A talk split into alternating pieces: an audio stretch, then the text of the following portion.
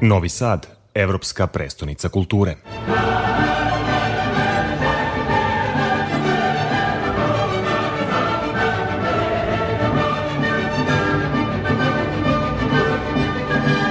U Novom Sadu izloženi su radovi 14 evropskih umetnika i umetničkih kolektiva koji istražuju različita aktuelna društveno-politička pitanja.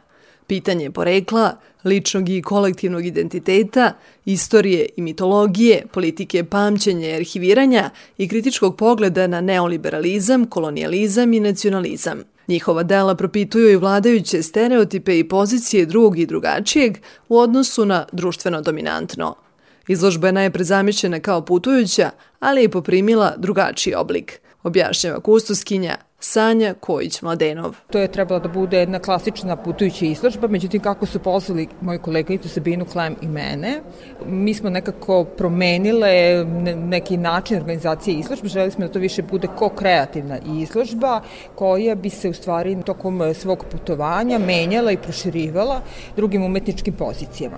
Od samog starta smo znali da želimo da se bavimo društveno-političkom situacijom u Evropi i da propitujemo temu evropskog identiteta i to više neki nekih geopolitičkih i kulturnih prostora koji nisu toliko vidljivi i koji imaju tu marginalizovanu poziciju. Zato smo u fokus stavile jugoistočnu i istočnu Evropu, smatrajući da su to određene poluperiferije, prostori između koje je potrebno na neki način usmeriti pažnju i koje u sebi sadrže tu neku razvijenost i diverzitet umetničke scene, ali sa druge strane skrajnutost na međunarodnim izložbama i opšte kulturnim debatama.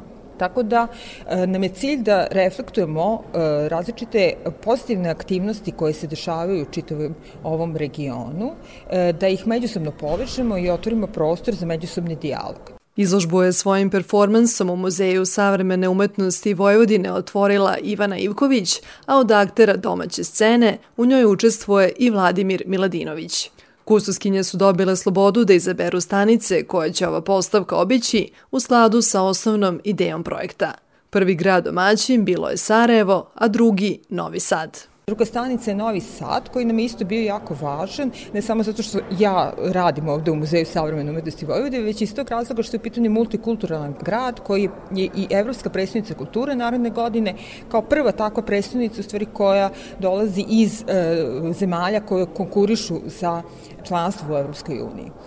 Smatramo da je u tom smislu negde propitivanje evropskog identiteta jako važno uh, ovde kod nas i uključivanje naše lokalne umetničke scene u jedan međunarodni projekat od izuzetnog značaja i mislim da predstavlja na vrstu i redkosti. Izložba Eurovision Crossing Stories and Spaces deo programskog luka Doček, projekta Novi Sad, Evropska predstavnica kulture.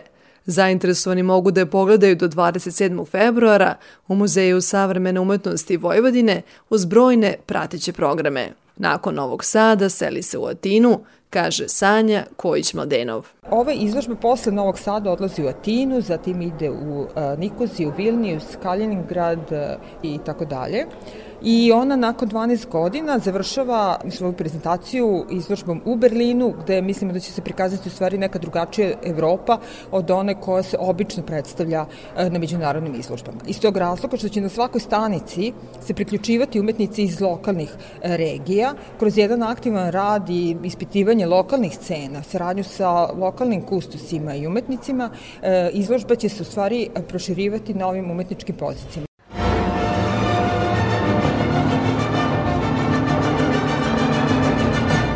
Novi Sad, evropska prestonica kulture.